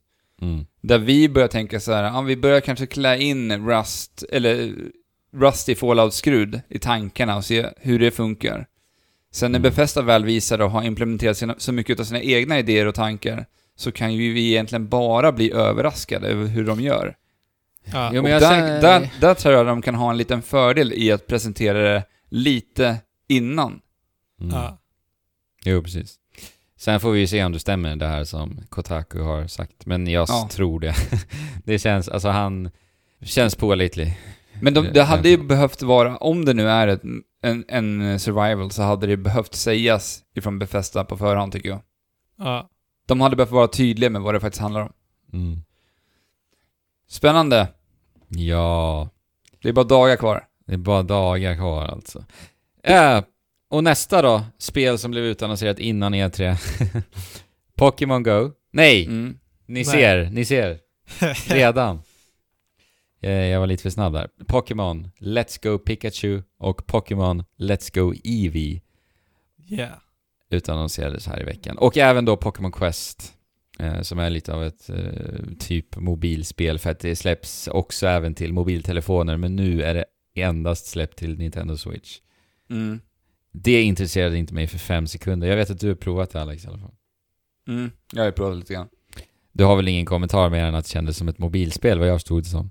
Ja, det känns som ett mobilspel. Eh, lättsamt. Men jag skulle, och ganska generiskt. Ja. Eh, skulle väl- spelat det mera om jag hade det till mobiltelefon, för jag känner inte att det här är något spel jag vill spela på switchen. Eh, Det är väl typ Nej, Dia- man Diablo Pokémon. Ja, fast du, du kan ju inte ens kontrollera karaktären, de rör sig själva. Så att, Ja, det är automatiskt. Okej. Okej. Mm. Ja. Så det är lite Tamagotchi Diablo, eller vadå? Alltså, jag vet inte vad jag ska säga. De rör sig, det är liksom, det är autorun på allting och du kan välja lite attacker på de här Pokémon som ska göra. Du kan levla upp hit och dit genom stenar och såklart Mm. kostar ju många saker mycket pengar att göra. Ja. Ja just det, det är free to start också. Ja, så att Som- det, som du kommer Nintendo behöva köpa sådana här biljetter för att kunna låsa upp eh, olika, olika grejer. Ja, som ja. underlättar ditt eh, spelande. Men jag tycker Ja. att de har lyckats med att göra ett riktigt gulligt eh, grafiskt utförande i alla fall. De har ju så här väldigt eh, kubiska Pokémon-figurer. Mm. Tänk er lite Minecraft, fast med lite mjukare former på de här eh, kuberna. Just det. Det ser gulligt Ja. ut. Ja men det gör det faktiskt. Och det är ju därför jag plockar upp det här, för jag älskar ju gulliga spel. Då är frågan om du kommer älska Pokémon Let's Go, Pikachu, Pokémon Let's Go Eevee. Jag tycker vi säger Pokémon Let's Go härifrån, för annars Ja. blir det för jobbigt. Eh, Men det här är ju då alltså eh, det nästa huvud-Pokémon-spelet som kommer att släppas här i november i år. Och det är ju alltså då en typ remake. De är lite så här, ja det är inte en remake riktigt, det är, det är mer en reimagining kan vi väl säga. Jo, men det verkar ju vara inte heller en liksom kopia av det gamla Pokémon Gul. Nej, precis. Pre- Alltså det är gul då, exakt. Ja. Eh, Som det är baserat på, så kan man, kanske man kan säga. Ja. Eh, och det är ju inte liksom helt traditionellt Pokémon-spel, utan det tar eh, många aspekter ifrån Pokémon Go då, eh, som jag Mm, sa här i yes. början. Och liksom fusionerar det med Pokémon så som vi är vana att spela det. Ja, och som jag förstår det så, det som är Pokémon Go är hur du fångar Pokémon. Du kommer in till samma Battlefield och sen så har du en Pokéboll som du liksom slänger manuellt med ett, ett flick. Yes! Tack för den! Äntligen får jag slänga en Pokémon-boll. Äntligen. Men, eh, är det strider? Jag vet inte. Ja, det är det. Även, även med vilda Pokémon. Inte med vilda. Eh, Aldrig med vilda. Aldrig med vilda, men det är det eh, med tränare. Gym har de inte kommenterat. Eh, men, Okej, men tränar, Men det måste det vara. tränarstrider kommer det vara. Ja, troligtvis kommer det vara strider. Eh, gym. Det känns väldigt mycket som ett Pokémon Light. Ja, oh ja. Ja. Och sen är det ju en nyhet att du ser ju Pokémons röra sig i realtid på eh, fältet i världen. Så att Ja. det kommer inte liksom blixtra till och sen så, oh, det var en Clefairy och sen fånga den. Utan du ser Clefairin där, så går du fram och fångar Clefairin. Eh, och det tycker jag ändå om faktiskt. Eh, ja. Jag kan förstå att eh, folk sak, kommer sakna lite utav det här att hålla tummarna när skärmen spricker och sen hoppas på att det är en Clefairy och sådär va, men jag tror ändå att det kommer kännas skönt. Men, alltså, vi har gjort det i Ja, precis. 20 Ja, år, ja. mer. Jag vet inte. Men sen undrar man så men eh, hur ska man kunna fånga legendariska Pokémons? Kommer de bara stå där och sen gå fram? Men då tänker jag att det kanske kan vara lite gåtor så här, eh, för att liksom trigga att de till slut kommer fram på något vis. Men det, jag tror inte att det kommer vara så, men det, Nej. det hade varit drömmen. Det känns ju som att det här Pokémon-spelet är huvudsakligen framtaget för de här nyblivna Pokémon-älskarna som har upptäckt Pokémon i och med Pokémon Go. Ja. Ja. För vi har nog en drös av de människorna som faktiskt har Ja, påbörjat sitt Pokémon-äventyr nu. 800 miljoner nedladdningar på Pokémon Go. Eh, Ja. Alltså jag tycker det här är genialiskt. ja, det är ju smart drag från deras sida Ja, naturligtvis. det är så Mm. smart. Och att de också i och med den här utannonseringen har sagt att nästa år, det är då vi får det där riktiga gedigna Pokémon-spelet som vi har väntat på. Som de pratade Mm. om på E3 förra året. Det är inte det här. Utan det, utan det får vi eh, andra halvan utav nästa år. Och att de säger det så tydligt i samband med det här tycker jag är så bra. För att det gör mig till och med mer nyfiken på det här spelet. Hade det här Ja. bara varit det vi fick, då hade jag Ja. bojkottat det tror jag, i stort sett. Ja, troligen. Eh, Jag också. och sen kommer man ju kunna spela co-op också. Och jag visade ju min tjej det här spelet och hon liksom blev ju lyrisk och började spela Pokémon Go direkt igen. När Ah. hon såg det här. Så vi kommer ju Vi, vi har det. inte ens nämnt det, att vi kan ju faktiskt använda våra Pokémon Go-figurer Mm, som vi har precis. fångat i Pokémon Go Ja. och eh, skicka över dem till en speci- Det är en speciell park, verkar vara. Ja, det finns inga detaljer om det. Det gör det inte. Eh, Vi kommer Nej. kunna skicka över dem i alla fall. Ja. Sen, sen får vi se hur. Så det, det, det tycker jag är roligt att göra mera utav Pokémon Go med hjälp utav det här spelet. Mm. Ja, ja. men det är det verkligen. som är så smart alltså. Oj, oj, oj. så smart. Men tänk er liksom 800 miljoner har laddat ner Pokémon Go. och tänk att, säg 2% av de 800 miljonerna kommer över till Let's Go. Mm. Alltså det är ändå ett par miljoner spel liksom. Ja, Det smarta är ju att det fångar Pokémon Go-fansen, de nyblivna Pokémon-spelarna, eller nyblivna Pokémon-fansen, men det fångar ju också oss som spelade gul och blå och röd, för att det blir liksom en nostalgitripp för oss att liksom återvända till Kanto med de här 150 Pokémons i, i Ah. den här nya fina skruden. För spelet är ju inte tekniskt supersnyggt, men jag tycker ändå att det ser mysigt och fint ut. Eh, och att få se Ja. Kanto igen liksom i den eh, grafiska stilen, ja, ge mig. Och eh, så släpper de ju också Pokémon Ball Plus. ja just det. Och vad är det då? Det här är alltså en kontroll som är formad som en Pokémon-boll. Och så har du då en eh, analog spak på kontrollen också. Och en knapp, ah, knapp när du trycker det. in spaken och även när du trycker in eh, liksom halva Pokémon-bollen så att säga. Så du gör bara ett... Du kniper bara till handen så är det en knapp så att säga. Mm. Och eh, när jag såg det här då tänkte jag, alltså mini-jag, när jag liksom låg med Pokémon pyjamas i sängen och spelade Pokémon med Gameboyen in till eh, nyllet. Alltså jag hade exploderat om jag hade fått den här kontrollen då. Mm. Herregud. Jag tycker det hade varit... eh, Jag tycker det är lite tråkigt att man inte tänker lite längre och gör det här till en Amiibo också. Alltså, tänk er i framtiden att ha en sån här kontroll där vi skulle kunna lagra Pokémons. Mm. Bara så här, Shit. lägg den här emot spaken på switchen och för över dina Pokémons till den här Pokébollen. Ja men det kan du ju. Du, för ju över, du kan föra över Pokémons till, Till- bollen. Till bollen. Ja. För det här har vi ju pratat om när vi, för många år sedan i podden, alltså så här med Amiibos och kunna föra, och framförallt med Pokémon, att föra över Pokémon till ett fysiskt objekt. Mm. För det, då hade man ju verkligen blivit, som du säger, Ja. gått igång när man var yngre. Alltså, det är helt galet. Att veta att man har sin lilla Pikachu i, Ja. i bollen. Ja men det, det är så det kommer vara. Och sen så om du liksom rör på bollen och klappar lite så kommer bollen göra ifrån sig Pokémonens ljud liksom. Men du kan bara ha en i den. Ja, det tror jag. Mm. Alltså inga detaljer så där riktigt heller. Men ja, men man det är häftigt. tolka trailern så. Ja, det är så häftigt. Vilken version väljer ni då? Eevee eller Pikachu? Alltså jag måste... Det, det, fram... Kartongerna till det här spelet jag i vet. Japan. Så snygga. Ja. Så snygga. Ja. Jag älskar dem. Och det är, när man tittar på dem så är det inte lättare att välja vilken version. För Nej. båda, ah. Ja, de är jättefina. Men det blir nog Eevee för mig faktiskt. Bara för att, ja men Pikachu, det är Pikachu. Ja men Pikachu, Pikachu, jag håller med. Ja. Eevee. Jag är team Eevee. Ja, men då väljer jag Pikachu bara för det. Okej. Bara för att någon behöver vara Pikachu. Ja. Han behöver lite stöd. Ja men kul. Pokémon i, eh, i vinter alltså. Och mer Pokémon nästa år. Nu rör vi oss vidare tycker jag, eller vad säger ni? Let's go. Det är så varmt. Ja, det är så varmt. Vad har jag sagt i en timme egentligen? Jag vet inte tusan. Och eftersom att jag är förkyld och snorar och är lite täppt i näsan nu så kan jag inte ens andas ordentligt. Och det ökar bara på. Men nu är det det vi väntat på ända sedan samma tid förra året. Ja.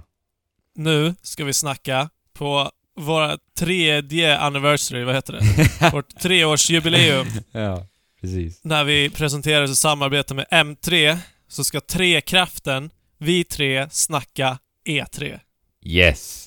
Fabian, vad står de tre ena för i E E3? Eh, Electronic Entertainment Expo. Tack, tack. Där satte du den alltså. Bra Fabian. Det, du har ändå huvudet på skaft idag. Eller nu. Det, det, det är som man kontrollerar att man har huvudet på skaft. Vad står de tre Ah. ena för i E3? Ja. Eh, jag ska slå mig själv på käften nu för att jag, alltså jag är så, jag tog av mig t-shirten. Ni, ni ser Undrar om du hade klarat det nu då, Andrew? De tre ena. Det kanske hade varit svårt. Det kanske hade varit svårt. Nu funkar det ju inte för nu vet jag ju vad det står för. Ja. Ja. Eh, ja, ni ser ju mig på kameran här. Jag tog av mig Ja. t-shirten i paus här. Oj, alltså det är Yes. så varmt. Andrew ville bara berätta att han sitter här barbystad. Så att alla ska veta det. Svettig, glansig. ja. ja. Så tänk er det nu när vi går in på E3-snacket. Alltså jag är helt nollställd. Nu kör vi! Vi ska prata, alltså det här är ju fantastiskt, det här ska bli kul så att nu ho- hoppar vi in.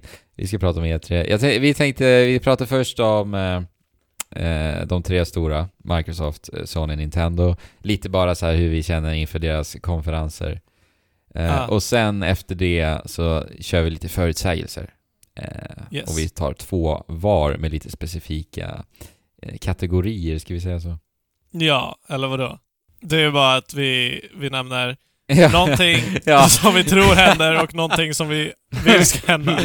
Ja. Det är inte några olika kategorier. Nej, du har helt rätt Fabian. Tack. Det stämmer. Så gör vi. Ja, Eh, nu rullar vi igång ja. tycker jag. Ja, vi börjar med Microsoft, eller jo.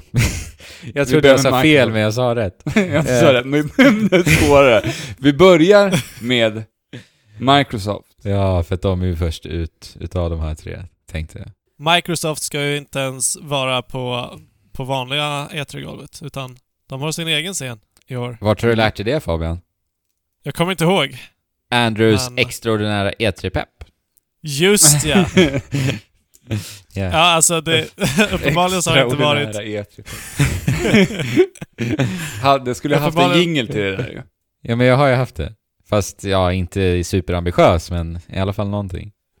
Ja, Så, de ska vara på Microsoft Theater, eller vad heter det? ja Jag tror det. precis. Över gatan, tvärs över gatan från eh, LA Convention Center. Och jag, jag minns svagt att vi inte riktigt visste vad det innebar när vi pratade här i Andrews extraordinära E3-nyheter. Vad innebär det? Är det bara det att de har lite mer kontroll över sitt eget och det är kanske billigare för dem att ens... Inte för att pengar spelar så stor roll för Microsoft överlag, men... Kanske slå på stortrumman. Att, Ja, men att det, de visar Halo 6, Forza, Horizon 4 och Gears of War 5 samtidigt. Och Gears of War 5. Och därför har inte tror- plats, får de inte plats inne på riktiga E3, för de har Nej. så fruktansvärt mycket att visa upp. De måste ju ha bilar på scenen, de måste ju ha Master Chief Ja, det är sant. och även eh, Marcus Phoenix son liksom. Mm. Ja. Nej, Ja. vi ska väl vara lite seriösa kanske. Ja, alltså jag, jag läser den här nyheten om att Microsoft, eh, det ryktas om att de håller på med ett Battle Royale-spel. Ja, just det. Eh, det, då tänker jag direkt på det vi har pratat om flera gånger i det här. Kan det vara så att vi får se mera utav Sea of Thieves så att det eventuellt får ett Battle Royale-läge på E3? Jag ser inte det som helt orimligt. För att Nej. det, det känns som att eh, Microsoft, när de jobbade fram eh, Sea of Thieves tillsammans med Rare, så förväntade de sig nästan att det här skulle bli ett spel för streampubliken. Framförallt på, Mhm. på Twitch. Men jag tror Definitivt. inte riktigt att det har blivit det spelet de kanske förväntade sig riktigt. För att intresset för Sea of Thieves har ju verkligen dalat sen det släpptes. Oh, ja. Ja, och sen har de varit lite så här desperat lagt in lite nya spellägen och grejer. Ja, de släppte ju Mm. någonting här förra veckan vet jag, där de la in Ja. Me- Megalodon. Megalodon, Ja. vad säger man? Stora ja. hajen Mm. som man ska... Och det verkar ha funkat rätt bra vad jag har hört, men jag vet inte, jag har inte testat Jo, men... Men jag, jag, tänk, jag tänker framförallt ett sånt här läge, ett Battle Royale-läge för Sea of Thieves, det behöver ju hända någonting stort. Ja, och jag tror att det är men en jättebra möjlighet att på E3 göra det här. Det är det, men i, i, i mina ögon, jag kanske är trångsynt nu när jag säger att eh, jag tror inte att Sea of Thieves liksom grundkoncept är superväl anpassat efter ett liksom Battle, Royale-spel så som Battle Royale-spelen ser ut idag. Det kommer ju vara någonting helt annat och jag tror i så fall att det kommer vara någonting som de bara lägger på i efterhand som en bonusgrej till Sea of Thieves. Eh, Mm. och om de verkligen vill satsa på... Alltså, för, för det till Sea of Thieves skulle bli liksom en kul grej, men det skulle inte slå alls lika stort som PubG eller... eh, eller eh, Fortnite. Fortnite. Och, och det kommer inte vara lika intressant som eh, Call of Dutys nya eh, Blackout. Blackout, ja. Mm. Nej. Och sen kan jag väl tycka att det kanske skulle vara lite märkligt att eh, visa Bla- ehm, Battle Royale både till Thie- Thieves och eventuellt då, det här det ryktas om, ett helt gediget Battle Royale-spel. Mm. Det kanske Mm. blir Och- lite väl. De, har, de har mycket större chanser eh, att antingen göra det till ett eh, världskänt IP som Gears of War eller Halo. Ja men precis. Ja, det har ryktats lite om Gears of War just, men ja, vi får väl se. Mm. Men jag tycker det är jättetråkigt faktiskt, måste jag säga, att alla vill göra Battle Royale-spel. Ja, och med tanke på Game Pass tänker jag, så är det väl lite det de tänker också om du skulle de Ja. satsa på ett Battle Royale-spel. Och sen med Game Pass då för 79 kronor i månaden så kan du spela det här gratis då, inom situationstecken. Jo men alltså det, det är ju motiverat och det kommer säkert vara lukrativt vad de än gör. Mm. Men Ja men då ser vi ju den här satsningen vi pratar om. Är det den här typen av spel vi kommer få se ifrån Microsoft Game Studios framöver? Ja, men jag hoppas inte det. Alltså, Nej. jag vill inte ha en homogen spel, spelvärld. Nej. jag, jag vill ha mycket alternativ. Och inte bara alla storsatsningar på Mm. eh, ett välsäljande koncept. Alltså med Microsoft generellt, då känner jag nu så här, alltså det har ändå varit de två, tre senaste E3s där jag har känt kom igen nu, visa något, Ja. kom igen Microsoft, det här året. Det, det, därför händer det ju himla, aldrig. Det är därför det blir så himla Nej. svårt att sitta och gissa vad de skulle hålla, vad de har att visa upp. För att Ja. vi har ju blivit besvikna Ja. så många, gång, så många år nu, Ja. när vi har tittat på deras konferenser Mm. och Ja. vad de har att presentera. Alltså de gör ju... mycket av har det- en mycket Xbox deras One huvud- XXX. Ja, precis. Och mycket av deras huvudfokus har ju legat på att trycka på tredjepartstitlarna. Framförallt förra året, hur alla spel skulle rulla så mycket bättre med hjälp av the power of the X. Mm. Ja. ja, det är jättetråkigt och jag...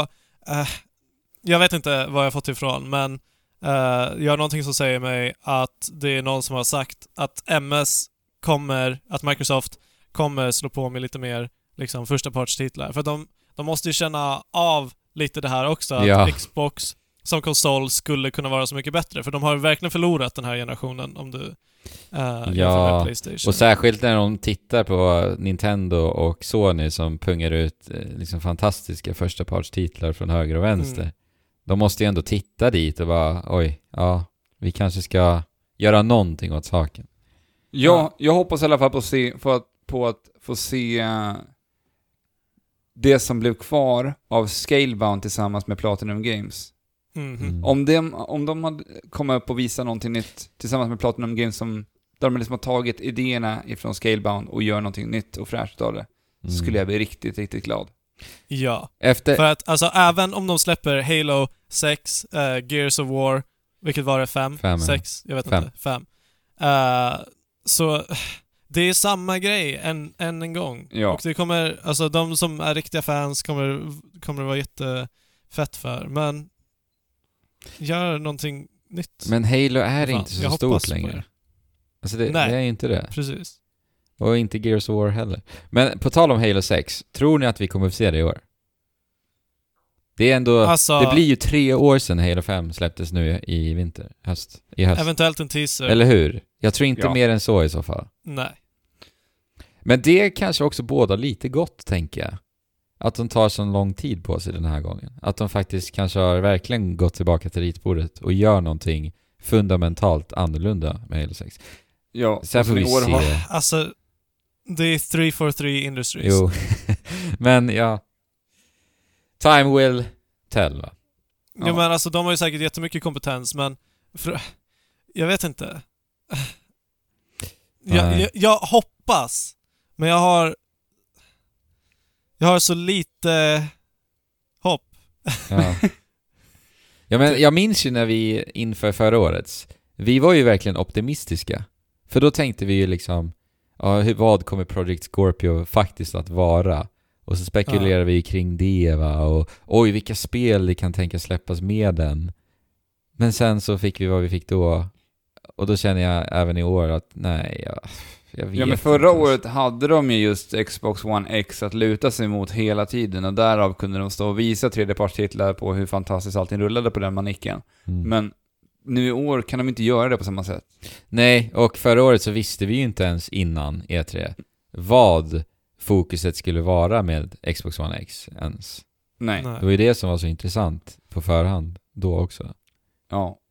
Ja, det blir spännande att se. Sen så faller, ja. Ja.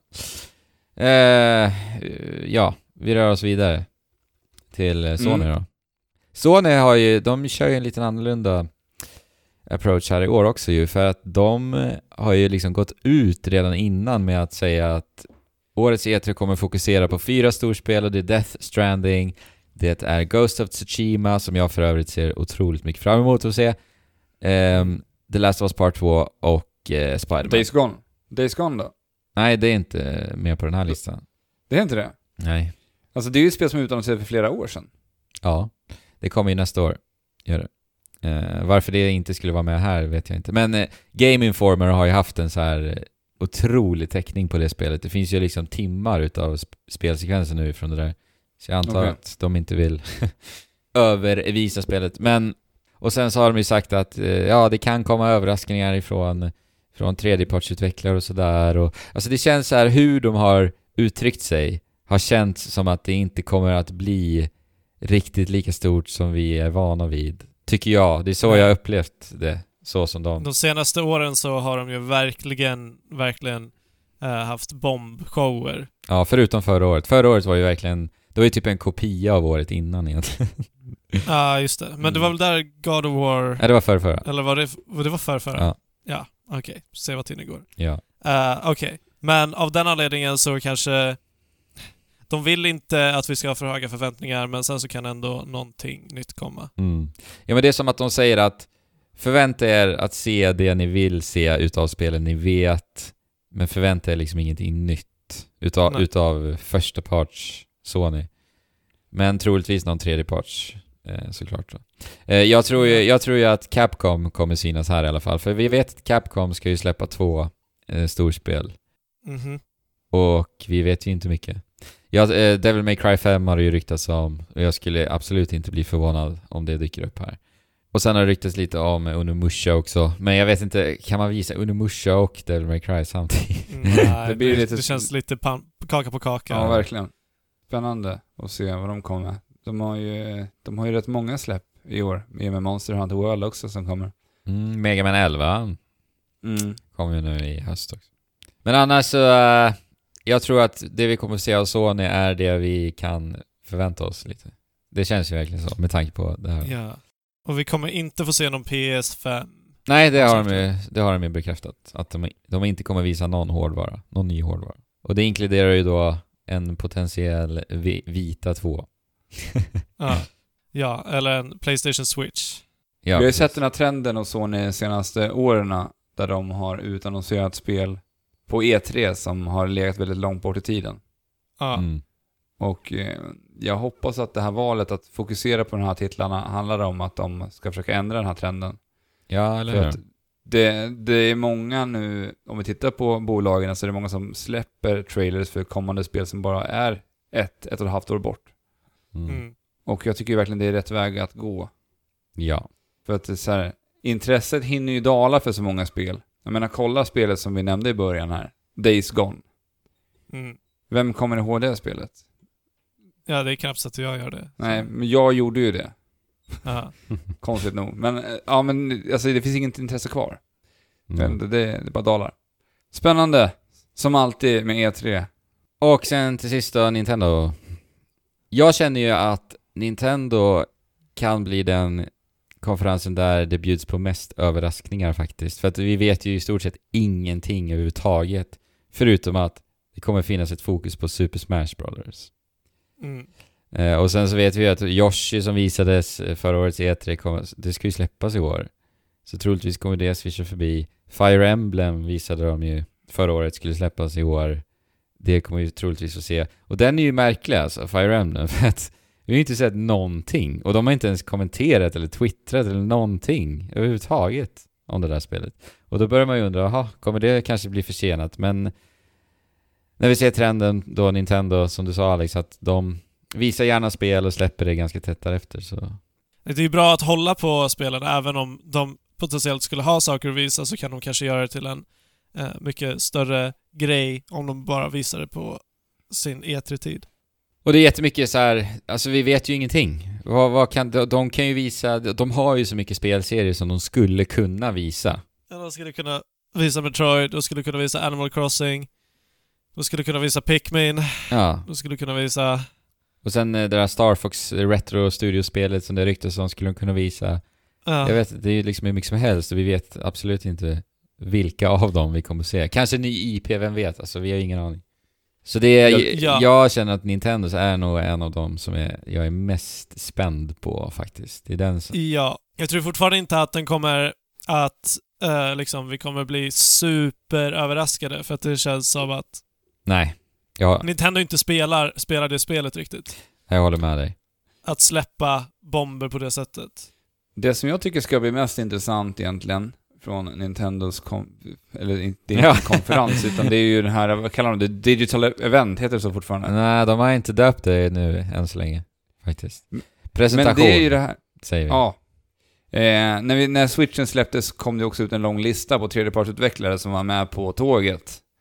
Ja, Och det. jag tycker det ska bli väldigt spännande att se hur tredje, vilka tredjepartsstudios som jobbar med Switch.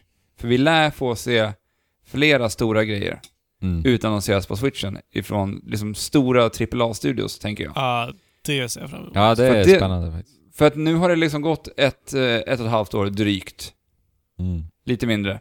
Och eh, den har ändå sålt väldigt bra och jag tror att många vill vara med på den här, eh, det här vinnartåget. Ja, det har ju kommit ut så här läckta bilder ifrån eh, eh, på golvet, planeringarna där på E3. Då har vi sett Dragon Ball Fighter C, Fortnite, Fifa 19 med ny motor och allt sånt där. Mm. Eh, Till Switch. till Switch. Och eh, Kotaku har rapporterat att det stämmer också, så att det verkar stämma. Och jag menar Fortnite till Switch. Jag tror att det skulle vara... Det skulle kunna bli enormt på Switch faktiskt. Och sen, men det är ju Ja. det är ju en självklarhet att det spelet Det kommer är ju komma. redan enormt liksom. Det, Ja. ja, så det tycker jag ska bli väldigt kul att se. För att Ja. det är ju någonting som vi alla vet Nintendo har haft enormt stora problem med under många generationer nu. Just samarbeta med tredjepartsstudios. Mm. Det har ju mest varit Ubi som har varit den här närmsta utvecklaren som har släppt väldigt mycket till Switch och varit Nintendo-trogna väldigt länge. Ja. Nej, jag tror vi kommer få se... Om jag ska bara... Jag kan berätta vad vi kommer få se av Nintendo. Vi kommer få se, Okej. vi kommer få se Smash. Vi kommer få se Yoshi igen. Vi kommer att få se Fire Emblem. Och sen mer än så, kanske någon, någon liten överraskning, men som ändå inte kommer liksom explodera hos mig. Jag kommer, jag Nej, kommer någon inte... som är typ Kirby eller något. Ja men någon sån liksom. alltså, inte Kirby, men ja, i den skalan. precis. Och sen tredjepartsspel. Det är det, så tror jag att det, deras kommer, konferens kommer, eller presentation kommer att vara. Mm. Och jag kommer ju vara jättenöjd då förstås. För att jag ser sjukt mycket fram emot Fire Emblem också. Eh, Men jag, alltså jag förväntar mig inte någonting sånt där eh, super, super faktiskt. Man har lärt sig att sluta förvänta sig saker på E3. För Ja. då, då står man där Ja. efter E3 och är bara missnöjd. Även Ja. fast det har utannonserats rätt mycket bra grejer ändå.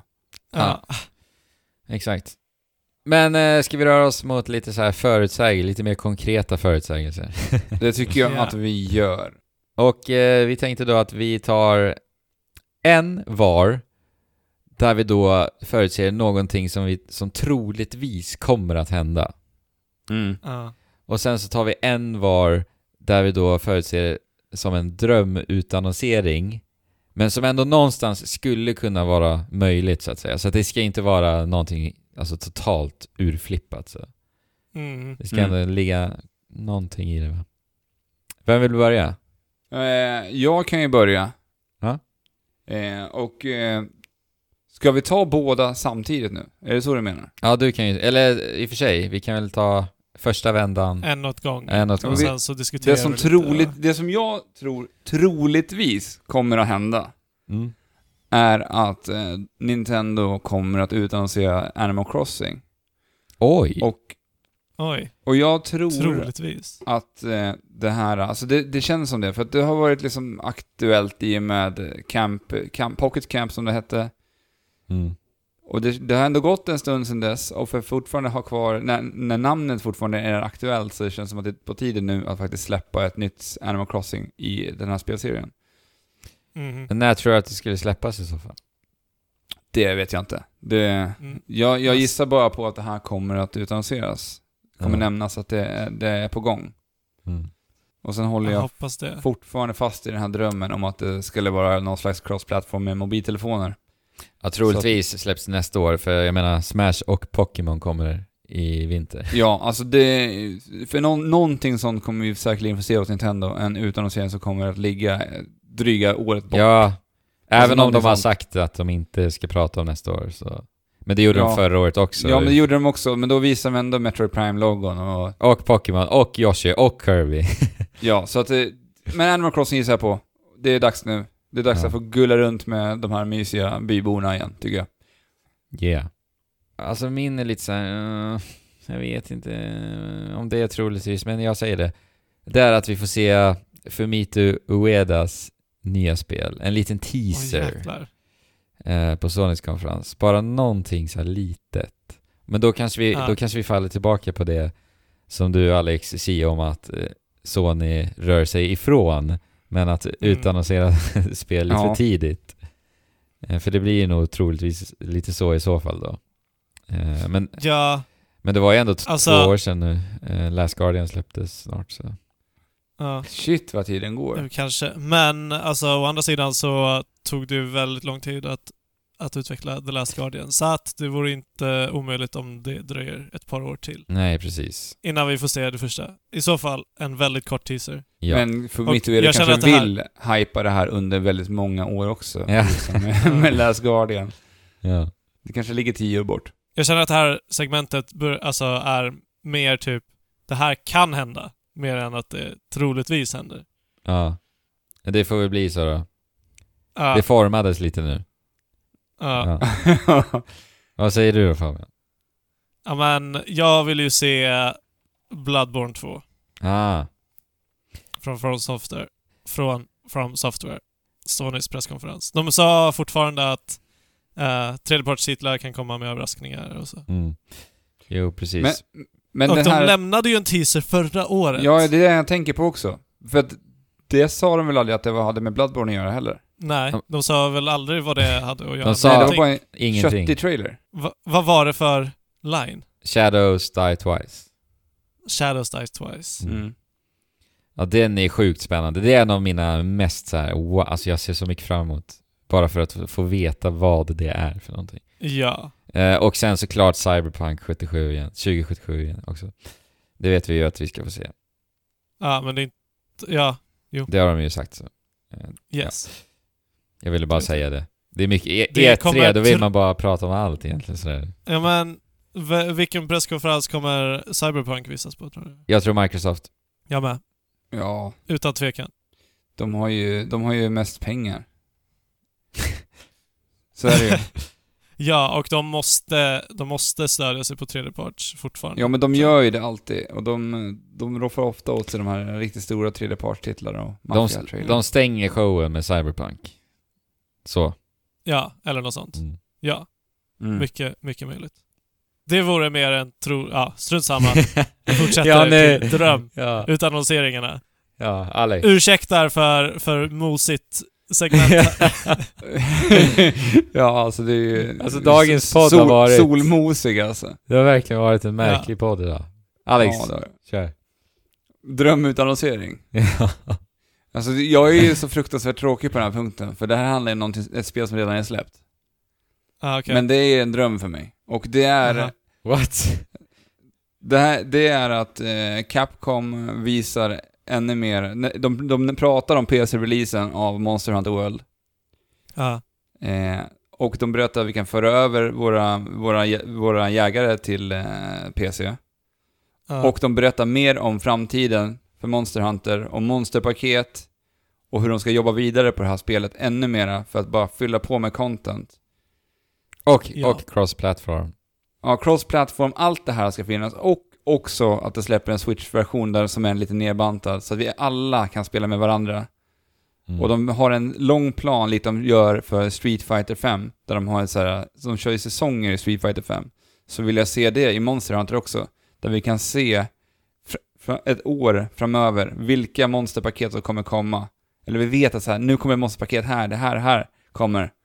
Ja. Med nya världar och nya platser, för då vet jag att jag kommer spela Monster Hunter väldigt, väldigt mycket framöver. Och, Och skulle- G-rank. Ja, alltså jag skulle bli så fruktansvärt glad och det skulle göra hela mitt E3 om jag får all den här informationen och Capcom ger mig det här. Fy fasen Ja. vad glad jag skulle bli. Mm. För att det känns också som att någonting måste de prata om, Monster Hunter. Kanske inte på någon presskonferens, men de måste kommentera det tror jag. I och med att Generations Ultimates har blivit annonserat här i västvärlden också. Mm. Monster Hunter går ju uppenbarligen som tåget. Ja, Ja, det är ju deras eh, mest sålda spel genom tiderna ju. Mm. Ja, spännande. Eh, Ja, det, det är verkligen inte omöjligt att de gör någonting liknande. Sen om du får allting som du vill. Nej, men eh, får, får i alla fall hälften av det så är jag fortfarande helt nöjd. ja. Ja, ja, men jag får hålla med faktiskt. jag hoppas. Eh, min handlar om Microsoft. Min drömutannonsering. Eh, och det är att, eh, du pratade lite om Platinum Games, Alex. Eh, Ja. Att du ville se att de liksom tar det de lärde sig från Scalebound, bla bla bla. Eh, Ja. Det jag vill se är ett Xbox One exklusivt Vanquish 2. Ja. Alltså, det här tror jag hade funkat väldigt bra till Microsoft och Xbox publik. Mm. För det här är ju liksom en illsnabb eh, tredjepersonsskjutare med massa system som vi fortfarande inte har sett sedan dess. Eh, som kändes så unikt och det var så bra. Jag älskade Vanquish. Det är verkligen ett sånt här spel som... Jag gillar inte att använda det ordet, men det är ett underskattat spel. Tycker jag. Alltså, Från förra jag, jag, har, jag har ändå läst en hel del, jag har sett så här, en hel del av Van- Vanquish på senare tid. Både Mm. så här, det har släppts till PC nu, och sen har det varit gratis eh, på Xbox with Gold för någon månad sedan. Okej. Ja, men Eh, det stämmer ju nog. Ja. Jag minns nog. Ja, jag tror att det var det. Ja. Och det känns inte helt orimligt för Mm. att det här faktiskt skulle kunna hända, att de har jobbat Nej. på ett Vanquish. Sen om det är exklusivt eller ej, det vet man ju inte. Det tror jag Men inte var- det kommer bli, men jag, Nej. ja, det skulle kunna visas på deras konferens. Det tror jag. Ja, det tror jag också. Ja. För att det... Men alltså, med tanke på att Microsoft har haft samarbetet med, eh, med Platinum så är inte det omöjligt att de har lyckats komma fram till den här dealen Nej. eftersom Scalebound inte funkar Exakt. Istället. Och, Och jag- plåster på såren lite också. Och jag, jag Ja. tänker lite med att man faktiskt har släppt det här till PC relativt nyligen också. Att eh, Ja. det finns en baktanke bakom den grejen också, att etablera varumärken för PC-spelarna också. mm. Mm. Ja, med Play Anywhere liksom. Eh, Ja, och att det släpptes på Steam och även där också. mm. och eh, sen när man tänker det senaste Platinum Games-spelet som släpptes, det var ju Near Aut- Automat... Aut- Automata. Automata. Eh, och det var ju liksom i början av förra året. Och vi, Mm. vi, det är självklart jobbar de på mer spel än Bayonetta 3 liksom. Så Mm. det skulle kunna vara ett Vanquish 2 och eh, oj, jag skulle explodera då. Ja, inte, inte helt omöjligt, men ändå ganska otroligt. Och du då Fabian? Ja, jag. Du har ju många drömmar vet jag. Ni, Och nu ska du välja ni har en. sagt så bra saker. Ja, en dröm. Finn det drömspelet nu. Alltså, vi vet vi kan ju nästan vara helt säkra på att eh, ett 2D Zelda kommer komma till Switch. Nej, Förr eller ja senare. fast får jag säga? Jag tror att vi kommer se ett 3DS 2D Zelda i år. Tror du det? Ja, jag tror att det kommer vara en remake på uh, Link's Awakening till 3DS. Och till Switch. Nej. Jo, Inte ens eventuellt också till Switch. Men jag lutar mig mer åt exklusivt till 3DS. Ja, det, det låter mer rimligt. Ja. Det är Nintendo, ni vet. Nej men guys, I don't know alltså. Vi ger det lite betänketid. Drömmar. Drömmar, drömmar, drömmar. Vad, vad har vi för drömmar? Vad består drömmar av? vad är en dröm? Det kanske är dags att visa ett nytt Final Fantasy. Final Fantasy 16. ja, Square har ju en egen presskonferens. Mm. Det kan vara din dröm. Ett nytt Final Fantasy som faktiskt ser bra ut. Ja. Det är en bra dröm. Mm. Det är faktiskt en bra dröm. Men är det din slutgiltiga dröm då? Ja men alltså, jo, för att om man formulerar det på rätt sätt så är det. Min dröm, som jag bara kan drömma om i, i sömnen, i min säng, i min trygga säng. Någonting som jag skulle vakna upp och inse, även om jag hade drömt om det här och upplevt det i drömmen, så skulle jag vakna upp besviken och tänka, det här kommer aldrig att ske. Vad jag pratar om är Square Enix. Square Enix har varit lite stappliga de senaste åren. Håller ni med? Ja. Ja. De har inte riktigt lyckats implementera eh, det som gjorde dem så bra under sin storhetstid eh, när de gjorde sina JRPGs. Final Fantasy 4, Final Fantasy 6 och även Final Fantasy 7. Vad du bygger Jag tror upp att det har väldigt mycket med att göra att de Mm helt enkelt bara inte tänker på de nya dimensionerna som de nya generationerna eh, innebär. Som, som gör att det ska vara trovärdigt. Och dessutom så är det väldigt, väldigt omfattande att göra ett spel på samma sätt som vi gjorde, som, på samma sätt som de gjorde eh, de gamla 2D-spelen i 3D och få det att kännas sammanhållet och så. Det är ett stort det är ett stort åtagande. Ja. Men jag hoppas att Square Enix kommer ut och annonsera Final Fantasy 16. Och Battle Royale. det verkar... Fa- Mm. Battle Royale. Nej. Nej. Det är mardrömmen snarare. Ja. Eh, och det ser faktiskt ut att ha potential att vara så bra som Final Fantasy brukade vara. ja, men det var en jädra bra dröm Fabian. Är det så omöjligt så att jag bara kan drömma om det, eller? ja, alltså ja, jag tror att det kan vara så faktiskt. Ja. Jag tror Att det också. Det Ja, kommer men- att förbli en dröm det här. Men vad, Men vad ska Square själva- Enix tänkas visa på deras egna konferens? Tomb Raider kommer. Shadow of the Tomb Raider Ja. och Kingdom Hearts 3? Ja. Nej! De kommer göra en jättestor grej såklart av datumet för Kingdom Hearts 3. Men vänta Ja. nu. Är det inte Square Enix som ansvarar för, eh, vad heter det? Hitman. Det här nya, nej Marvel-spelet som kommer, Avengers-spelet. Är det? Ja, just det. Crystal Dynamics ja. Det är det väl? Ja, Ja. ja det är det ju. För att om det är så, så kommer vi säkerligen få se någonting av Avengers-spelet på E3. Spanish alltså.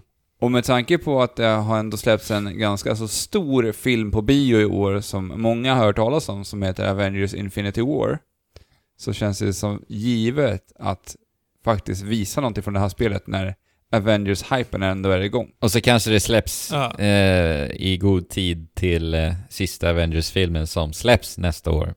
Ja, det hade varit en jättebra idé idé att göra på det sättet. Ja. Ja. Då har de ju ändå haft god tid på sig också. Det kanske är så de Ja. planerar. Där sa du något Det är Alex. inte helt orimligt. Nej. Och eh, när du sa det, då kommer jag att tänka på Rocksteady också. Vad gör de? De har ju inte gjort Ja, något spel sedan. Arkham Knight.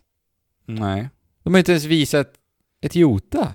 Vad beror det på? det blir spännande. Men Warner Brothers, de ligger fortfarande bakom dem, eller har de fortfarande samarbete med dem? Jag har inte riktigt koll. Ja, det borde de väl. Jag, jag vet inte. Microsoft Ge- presskonferens, Rocksteady. Tredjeparts. Boom. Ja, mycket möjligt. Kul gubbar. E3. Det är en vecka kvar. Ja, Vi så tog oss igenom den här varma, det här varma avsnittet. Ja, det här solmosiga avsnittet som Alltså, lyssnare, ursäkta för, för det här märkliga avsnittet. Alltså jag har ju Alltså- blivit tvungen att dodga solen nu som lyser i rakt in i mitt rum. Den... eh, Jag fick liksom justera min stol för att den började lysa mig rakt i ansiktet. Ja. Men vi kan ju tänka oss att det inte bara är vi som lider av den här värmen, utan att de som lyssnar kanske också är lika mosiga och kan Ja, förstå. det är sant. Så kan, vi, så kan vi alla lida tillsammans. Ja, Ja, de förstår på ett djupare plan i och med att de också lider. Liksom, Så. Mm. ja men precis. Så att nu ska vi alla gå ut och dansa regndansen, tycker jag. Mm. Så att vi får Får- regn. ja. Får jag bara en sista E3-fråga som är väldigt, väldigt enkel och kort. Super Smash Bros ska visas. Och då vill jag bara fråga, vilken blir karaktären som vi inte såg komma? Alex, du får börja. Alltså, jag, jag drar till med någon ifrån Castlevania. Ja, men det är en bra gissning tycker jag. Eh, jag vet inte vem, men någonting från Castlevania. Ja. Jag skulle gissa Belmont i så fall med tanke på att han har ju mest existerat i Nintendos spel. Alltså Ja. Castlevania spel som släpps på Nintendo menar jag. Ja, det är en bra gissning. Så, Mm. Fabian då? Celeste. Oj. Hmm. Intressant val. Troligtvis inte. Men jag vet ju att du vill ha Goku ju. Jag trodde du skulle säga Goku. Goku. Jo. Jo. Det, det är ju klart jag tror Goku. Ja. Men, men har inte vi sagt det tidigare? såklart har ju Fabian två stycken. På grund av hans ambivalens så får han ju två då. ja. Eh, vet ni vad jag tror? Eller kan inte någon av er fråga mig istället? Ja, okej, men vad tycker du Andra? Eh, jag tror... Ja, precis vad jag tror. Jag tror eh, Minecraft-figur. Ah. Ja. Jag trodde du skulle säga Shovel Knight. Ah. det är moset. det är moset. ja. Vad sa du ens? Minecraft. Minecraft. ja. Ja. Ja men det är absolut inte omöjligt. Eller alltså, det är men ja. Jag, jag känner att de kan vara väldigt kreativa med rörelsemönstret där också. Men det är också Microsoft som äger Minecraft, vilket gör det kanske lite orimligt. Ja men jag tror, jag tror att Microsoft är öppna för det alltså. Jag menar Phil Spencer har ändå twittrat Men frågan är, frågan är om Nintendo är det. De har ju Halo i Minecraft på Switch. Alltså det var ganska... Det kändes Är det ju- så? Ja. Ja, det kändes så bisarrt att gå in på nyhetsflödet på switchen och läsa att Halo, typ, jag het, vad heter det, Championship Pack eller något. Bara Halo Championship Pack is now available in Minecraft. Så ser man massa Halo-figurer. Just Minecraft känns det som en väldigt, väldigt konsolöverskridande serie överlag. ja, exakt. Eller spe, ett ser, series, ett spel. Precis. Alltså absolut inte omöjligt men... Skulle tycka det var häftigt också faktiskt att se en Minecraft-figur. Mm. Ja, Men eh, absolut. Och det skulle tilltala en stor publik. Ja. nu rör vi oss ifrån det här mosiga poddandet, tycker jag. Ja, vi gör det. Och drar vart man faktiskt kan nå oss. Ja, men det är viktigt. Hörni, det är en sak till vi måste nämna. Väldigt, väldigt, väldigt Ja. viktig. Och det är att nästa veckas avsnitt kommer inte att släppas på onsdagen. Och det är på grund av E3, såklart då. Vi vill inte liksom spela in ett avsnitt när vi inte ens har liksom sett vad Nintendo har visat eller vad Square Enix har visat. Så. Nej. Så att... vi vill kunna eh, ge den maxade E3-täckningen. Det är det du säger. Ja, precis. Vi, vi kanske får sitta ute nästa vecka och podda så vi slipper det här moset också. Mm. Eh, Så att ni vet det. Så att eh, någon gång eh, senare nästa vecka. Om det blir torsdag, fredag eller lördag, det får vi se. Helt enkelt. Mm. Yes. Det visar sig på sociala medier. Mer, mer specifikt Instagram, där ni också kan nå oss. Tre, där vi heter Trekraften podd. Ja. Allt det här hittar ni på tre... Alla de här länkarna hittar ni på trekraften.net. Det kan man säga också. Yes. Sa inte Fabian det? Jag kanske Nej, sa jag det. var på väg att säga det. Ja.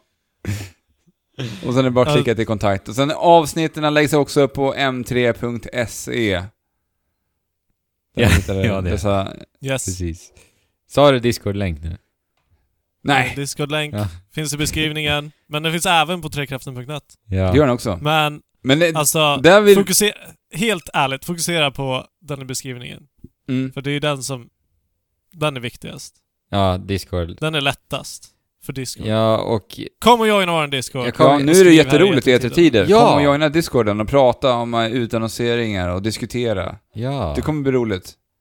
jättekul. Jag minns när vi tittade på senaste Nintendo Direct. Då skrev vi väldigt mycket i realtid. Det var kul faktiskt. Mm. Så att det, det är alltid kul. Mm, Istället för att sitta där eh, ensam hemma och eh, bara fundera. Sn- där tankar snurrar runt i huvudet i ensamheten. Ja. Det, Ja. så. Joina the hype train. Ja, ja, Hype Train eh, hittar ni i beskrivningen då. Ja. Men Fabian, minns du för Ja. bilden vi tog förra året på The Hype Train? Ja. Den var ju väldigt Yes. bra alltså. Ja, jag, jag tänkte, satt faktiskt och tänkte på den och blev lite nostalgisk. Ja. Alltså jag känner så här, jag skulle vilja överträffa den, men det blir nog svårt att göra det i år. För den var sjukt Det är i så fall att ta en bild på ett riktigt tåg. Ja, när vi sitter på ett riktigt tåg. Ja, för det... Känner vi någon tågförare? Ja, Det gör vi ju. Det gör vi. Ja, det är ett SL-tåg. Men, Nej, alltså vi har en lyssnare, en som har varit med oss väldigt länge, som heter Moonfast, som kör tåg. Ja, precis. ja, men känner inte han SL-tågen? Det vet jag inte. Men det tåg som tåg. Ja, men vi, nu måste Tåg vi som faktiskt tåg. runda av Ja. och släppa det här alltså. Det är, nu, nu drar vi iväg och blir alldeles för Ja. knasiga. ja. Så, Yes. Med det sagt, Så med det. så med det sagt, spela på allihopa och Chip! Shula? Ha.